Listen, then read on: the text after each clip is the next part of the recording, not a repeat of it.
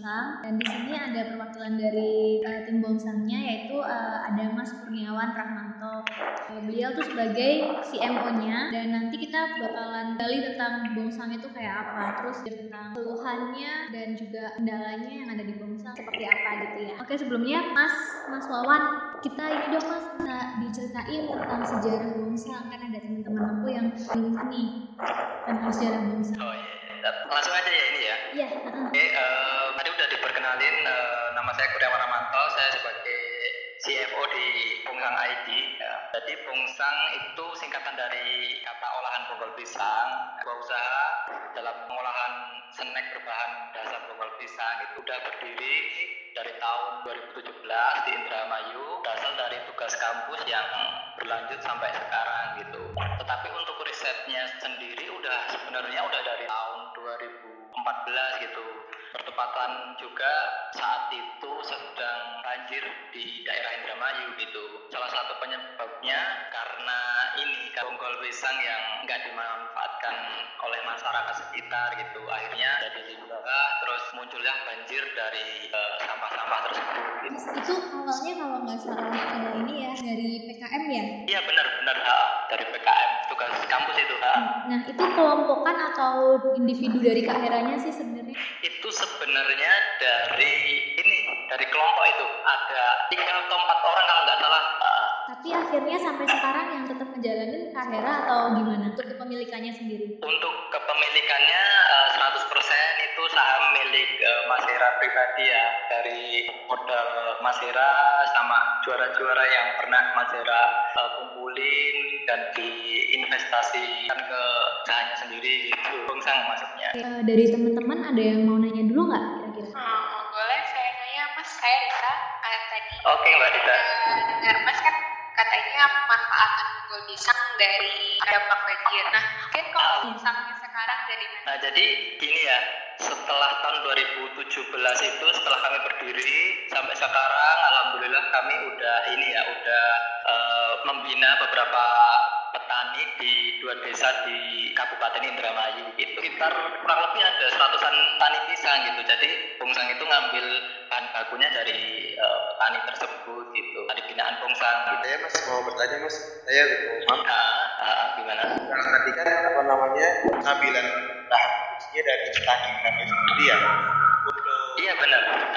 Konsumennya itu sudah sampai daerah mana? Ya, sudah sampai ke daerah Jawa aja tuh ke luar negeri atau kalau keluar negeri kalau keluar negeri sih baru-baru rencana tahun 2021 itu kita mau ekspansi ke ke luar negeri gitu mau ke Asia Tenggara dulu lah terutama gitu tapi kalau untuk konsumen saat ini baru di daerah Indonesia.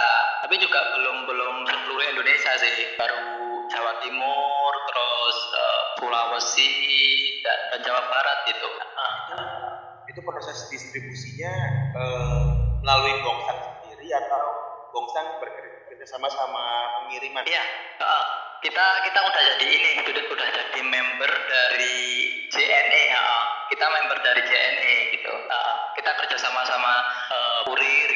Nah, aku mau nanya lagi dong, uh, kalau misalkan boleh tahu nih, kan Kak Hera itu lagi ngebuka ini ya, ngebuka reseller dan juga distributor. Nah, untuk sekarang ini jumlah reseller sama distributornya itu ada berapa banyak sih? Nah, ini ini yang sering jadi pertanyaan ya.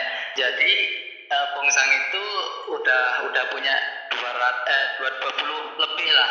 225 apa 22 gitu lupa sekitar sekitar dua puluhan lebih reseller dan dua distributor besar di Indonesia gitu. Kalau untuk distributornya sendiri itu di wilayah Jawa atau ada yang di luar Jawa juga? Kalau yang distributor itu Sulawesi sama Jawa. Kalau untuk uh, syarat reseller sama distributornya gitu ada minimal pembeliannya kah atau uh, semua orang gampang jadi reseller dan juga distributornya Bongsang sendiri? Penilaiannya itu berdasarkan apa gitu mas? Punya semangat juga kalau benar-benar mau berjuang gitu loh jadi reseller dan untuk untuk jadi reseller itu juga kita punya paketan jadi nggak nggak nggak asal beli satu piece gitu jadi udah ada paketannya gitu loh paketan satu dua sama tiga gitu nah kalau untuk uh, reseller ini setiap daerah dibatasin atau enggak mas untuk saat ini belum ada pembatasan karena kita kita uh, sedang ekspansi sih mbak. Uh, gitu. Mungkin ada uh, dari teman-teman ada yang mau nanya lagi? Uh, penyimpanan gudang bahan mentahnya si bonggol ini ya. Itu tuh ke, ke gudang penyimpanan bonggol pisangnya tuh di mana ya? Yang Itu- uh, bonggol pisang mentahnya gitu. itu di eh, ini di dekat eh, tempat tinggal dari founder kami itu mbak di Jalan Budi Raja, Pringgakala, Kabupaten Indramayu. Nah, terkait dengan itu penyimpanannya berapa lama waktu yang dibutuhin mas penyimpanannya sampai ke bahan itu diolah? Kalau untuk pengolahan saya kurang-kurang ini ya mbak, karena saya saya eh, fokus ke ke bagian eh, kayak marketingnya gitu, digitalnya gitu. Jadi untuk untuk yang bagian produknya itu udah ada eh, teman kami yaitu Mbak Siti Jumaro itu sebagai RN. Nah, Mas, uh, Iya. aku mau nanya lagi. Jadi kalau nggak salah ini ya, Kak Hera tuh pernah share di Instagram. Jadi Kak Hera itu memanfaatkan uh, anak-anak yang putus sekolah sama yang kurang mampu untuk membantu bisnisnya dia sebagai karyawannya. Nah, untuk saat ini juga apakah masih seperti itu, Mas? Iya masih masih mbak. Ah, ah. Jadi jadi Bongsang itu eh, tim Bongsang eh, itu apa ya? Itu jadi kayak misalkan ada eh, TKI di, di- baru ini baru di sekitar Indramayu gitu. Ada TKI yang pulang nggak nggak punya kerja tetap, ada anak yang putus sekolah, terus ada petani pisang yang kehidupannya kurang mampu gitu. Jadi sama tim Bongsang dibina gitu, diajari cara mengolah eh, bongsang jadi snack dalam kemasan dan ya sebagainya gitu mbak. Berarti ada kayak pelatihan-pelatihan yang gitu ya mas? Ah, Pada ah, karyawan. tepat, ah, workshop ah, workshop pengolahan bonggol pisang. Ah, Apakah karyawannya tadi ikut terjun dalam penjualannya mas? terjun dalam penjualan Nah, ya kan tadi mereka juga ikut terjun jualan, masarkan produknya? kalau kalau dari situ biasanya mereka langsung jadi reseller gitu mbak. Jadi salah satu kita menjaring juga dari situ gitu. Berarti mereka eh, karyawan sekaligus reseller juga ya? Apa ya mbak? Enggak enggak enggak semua yang yang kita latih eh, jadi karyawan gitu enggak. Jadi yang jadi karyawan itu tetap ada batasan gitu loh. Soalnya kan juga udah banyak eh, apa Bungsang itu ngasih workshop gratis ke ya, ke universitas ke, ke apa gitu loh. Kan enggak enggak semuanya kita rekrut gitu loh. Jadi tetap tetap harus ada pertimbangan dari tim Bungsang gitu. Mas mau nanya ini dong. Kira-kira selama dari 2017 berarti ya, kendalanya tuh apa aja sih, Mas? Karena kan banyak orang yang nggak tahu nih kalau ternyata bonggol pisang itu bisa jadi makanan. Kalau sebenarnya banyak ya Mbak. Yang pertama dulu itu karena tekstur bonggol pisang kan keras gitu loh. Mana bisa ya bisa jadi makanan ya gitu. Nah, terus dari situ dari tim R&D sama Mas Hera sama yang lain itu belajar gimana gimana gitu dan nemu caranya. Terus masalah di mesinnya gitu. Jadi pertama pakai parut, pakai parut manual itu. Itu tangannya sering apa ya? Sering kena eh, itu yang bagian lanjut-lanjutnya itu. Terus gimana caranya ngembangin. Nah terus pakai mesin penggiling kelapa itu pakai penggiling kelapa juga kayak kurang maksimal gitu. Terus akhirnya ada ada temen Mas Hera itu yang juga ahli di itu di bidang mesin. Nah terus kita bikin mesin sendiri buat giling bonggol pisang yang keras tadi gitu loh Kalau untuk modalnya sendiri berarti itu emang awalnya dari PKM itu atau kemudian ada eh, pembinaan dari eh, instansi lain sampai akhirnya kan kalau saya lihat ya di Kak Hera itu kan banyak memenangkan penghargaan-penghargaan. Nah, itu awalnya dari mana ya, Mas? itu awalnya dari tugas PKM yang kalau nggak salah dulu modal dikasih modal 3 juta kalau nggak salah. Terus lanjut ikut lomba ikut lomba kan. Terus akhirnya menang. Nah dari lomba-lomba yang Hera itu menang terus diinvestasikan ke usaha bongsang ini gitu loh. Kalau ini sekarang penjualannya Mas di awalnya tuh berhasil menjual berapa dan sekarang yang paling tinggi itu omsetnya sampai berapa? untuk penjualan yang paling tinggi itu di tahun 2018 akhir sampai 2019 akhir itu. Tinggi karena Mas Hera sama salah satu stasiun TV nasional. Ya, jadi itu bisa apa ya bisa mendongkrak penjualan bongsang gitu loh. Di angka 85 juta per uh, satu tahun. Oke, kalau misalkan eh, berarti sekarang jumlah karyawannya sendiri ada berapa Mas? untuk jumlah timnya itu baru baru empat ya mbak. Tapi untuk karyawan yang yang lain yang kayak eh, karyawan yang di bagian teknisi dan sebagainya itu ada lima. Oke. Okay. Aku boleh nanya nggak? Iya, iya. terkait kualitas produknya gitu mas. Apakah ada kayak pengukuran kualitas buat produknya gitu mas? Uh, uh, itu ada mbak. Uh, tapi itu itu bagian ini sih bagian R&D sih yang lebih kepada produknya itu bagian R&D. Ceritanya 2018 sampai 2019 ya, ya mas ya, ada mencapai 87 juta.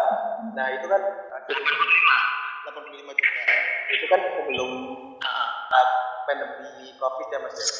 Pengaruhnya pandemi ya, ke jualan dan produksi itu ada tentu tentu ada sih ya. karena kan kita banyak menjual itu lewat bazar-bazar kan dulu kan gitu gitu loh sebelum ya kita bikin online itu emang bikin Instagram itu udah dari dulu tapi gencar-gencarnya Instagram kan uh, baru-baru setelah apa ya setelah mau corona itu kita baru uh, benar-benar fokus ke Instagram gitu loh. Kalau efeknya sendiri juga lumayan gitu loh. Dari dari tahun dari tahun 2018 akhir sampai 9 2019 akhir itu 85 juta pendapatan selama itu turun jadi 12 juta gitu loh. Berarti sangat berdampak ya Mas ya? Iya Mbak, uh, berdampak. Uh, tapi kan untuk itu habis-habis itu, jadi pertama itu kita down itu di bulan bulan Maret awal sampai eh, Februari sampai Maret akhir uh, terus jadi April sampai Oktober itu nah itu langsung kita langsung kendarin gitu loh karena kan orang juga butuh makan dan sebagainya gitu. terus kita juga kayak kolaborasi sama usaha lain sama UMKM lain gitu kalau untuk masalah kait sama produksinya pandemi ini berpengaruh nggak? Untuk produksinya juga dari tim kami memang sedikit agak nurunin gitu. Produksinya dari tahun sebelumnya. Kalau tahun sebelumnya kan emang kita stok agak banyak ya. Jadi untuk selama pandemi ini agak-agak di ini agak dipres gitu. Oke, kira-kira ada pertanyaan lain nggak teman-teman? Terakhir lama jalanin bisnis, apakah dari pelayanannya sendiri terdapat komplain mas? Kalau pelayanan sih um, untuk untuk untuk produk eh, ya kalau untuk produk alhamdulillah nggak ada ya mbak. Tapi untuk pelayanan itu ada pasti ada sih. Kadang kita ngirim misalkan harusnya jadwal hari ini udah sampai nanti malam baru sampai atau besok baru sampai gitu karena terlambat uh, di pengiriman itunya di kurirnya gitu. Berarti uh, berkaitan dengan waktu pengiriman aja ya? Iya, kalau masalah produk alhamdulillah sampai sekarang jumlah produknya sekarang ada berapa varian ya mas? Ada lima, ada lima. Yang pertama jagung bakar original, terus barbecue, balado, sama satu lagi apa ya? Totalnya lima sih. Uh, paling terakhir deh mas ada ini nggak ada pesan nggak untuk para pejuang UMKM yang sekarang ini lagi mengalami penurunan penjualan karena pandemi pesan dari Mas Era sih yang yang selalu sih gitu. Ya. jadi yang pertama itu uh, kalau kita mau buka usaha gitu pasti kita harus harus ini harus apa ya harus nemu fondasi yang tepat gitu loh. Jadi saat kita lagi down gitu kita ingat oh fondasi pertama mau bangun usaha tuh kayak gini. Jadi mana caranya harus tetap sustain gitu loh cari-cari gitu. Sama juga di Bungsang juga gitu uh, ya, berarti tetap harus terus, semangat terus ya mas ya? Uh, itu pasti mbak uh, harus semangat harus terus belajar harus terus apa ya eksplorasi gitu. Misalkan kalau di Bungsang dulu kan kurang fokus di digital kalau kita terus-terusan nggak fokus di digital nggak nggak mau belajar ya bakal keganti sama yang lain gitu. Terus akhirnya kita juga sedikit belajar gitu. Terus apa ya jangan lupa ini cari mentor sih. Cari mentor itu sangat sangat ini sih sangat sangat fundamental banget sih. Karena pas pas apa ya pas kita sedang down pas kita sedang buntu nggak tahu mau ngelakuin apa kita bisa sharing ke mentor gitu. Dan mentor itu biasanya ini sesuai pengalaman Mas Hera sih. Mas Hera itu dapat mentor itu biasanya dari dari pas Mas Hera itu ikut lomba gitu. Biasa bisa dari jurinya lomba itu bisa dari teman sekompetisi lomba itu gitu. Dan saya sudah dikenalin sama beberapa teman-temannya sih yang alhamdulillah jadi uh, mentor dari Mas Hera sendiri gitu. Oke, okay. sangat menarik banget ya Mas ya uh, pembicaraan kita sharing-sharing bisnis hari ini. Cuman waktunya juga uh, terbatas banget gitu. Nanti kapan-kapan kita uh, lanjutin lagi ya Mas ya. Dan semoga uh, bincangan hari ini tuh juga bermanfaat untuk uh, semua teman-teman yang sedang menjalani bisnis atau pengen memulai untuk bisnis terutama untuk UMKM. Mas Awan terima kasih banyak ya Mas waktunya ya Mas ya. Siap, siap, siap. Siap, siap. banyak Mas. Mbak.